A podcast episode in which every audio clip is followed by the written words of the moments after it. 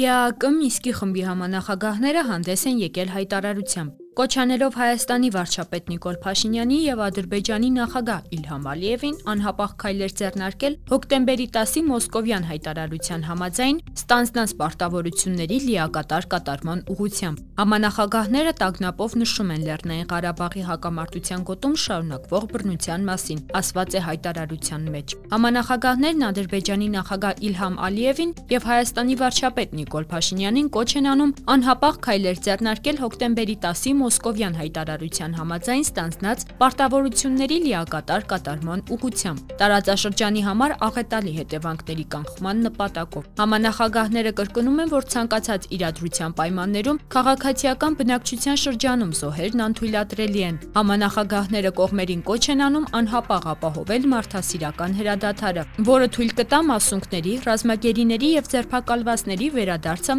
եւ կողմերին կոչ են անում շտաբ կարգով համաձայնեցնել հրադադարի ստուգման մեխանիզմը։ Հայաստանի արտգործնախարար Զոհրաբ Մնացականյանի եւ Ադրբեջանի արտգործնախարար Ջեյհուն Բայրամովի հետ զրույցներից հետո համանախագահները կողմերի հետ աշխատում են Լեռնային Ղարաբաղում քաղաքական կարգավորման գործընթացի էական հարցերի շուրջ բանակցությունների ճանապարհով լուծմանը հասնելու նպատակով, ասված է հայտարարությունում։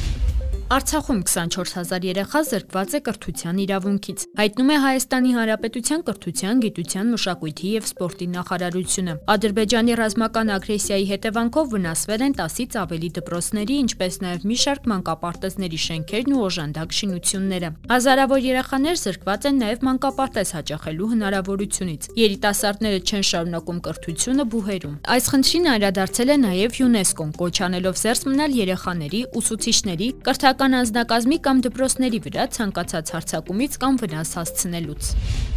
Իրանի Արդաբիլ նահանգի փոխմարզպետ Բեհրուզ Նեդեյը իռնալրատվական գործակալության հետ զրույցում հաստատել է, որ Իրանի հյուսիսարևմուտքում անօթաչու թռչող սարք է ընկել։ Նա նշել է, որ այժմ պարզում են այն հայկական թե ադրբեջանական է։ Միջադեպի արդյունքում տուժասներ չկան։ Իսկ Հայաստանում Պաշտպանության նախարարության Պաշտպանական քաղաքականության եւ միջազգային համագործակցության գլխավոր վարչության պետ Լևոն Այվազյանը հանդիպել է Հայաստանում Իրանի դեսպանության նորանշանակ ռազմական կցորդ գնդապետ Բահման Սադեղինին հանդիպման ընթացքում անդրադարձ է կատարվել նաև հակամարտության երրորդ կողմի եւ արցկան ահաբեկիչների ներգրավվածության ազդեցությանը տարածաշրջանային անվտանգության եւ կայունության տեսանկյունից։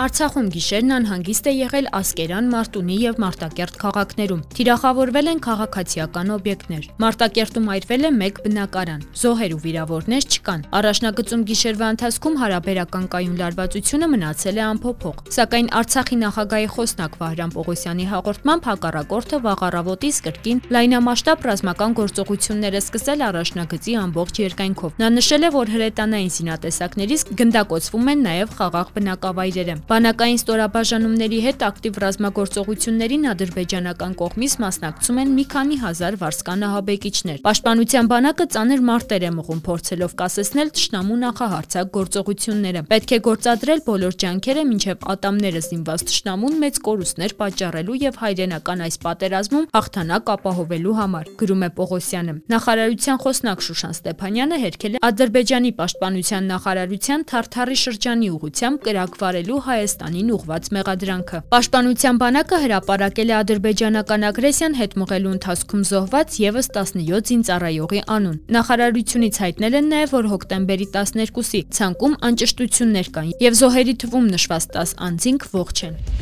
Ռուսաստանի պաշտպանության նախարարությունից հայտնում են, որ գերատեսչության ղեկավար Սերգեյ Շոյգուն բանակցություններ է վարել տարբեր երկրների իր գործընկերների հետ Լեռնային Ղարաբաղի հակամարտության կայունացման հարցի շուրջ։ Ռուսաստանի պաշտպանության նախարարությունն անհանգստացած է Մերձավոր Արևելքից ահաբեկչական խմբավորումների գրոհայինների Լեռնային Ղարաբաղի հակամարտության գոտի տեղափոխելու մասին տեղեկատվությամբ։ Այդ մտահոգությունը Ռուսաստանի Դաշնության պաշտպանության նախարար Սերգեյ Շոյգուն փոխանցել է Թուրքիայի ռազմական գերատեսչության ղեկավար ղեկավար Հուլուսի Աքարի հետ երեքշաբթի կայացած հեռախոսազրույցի ընթացքում։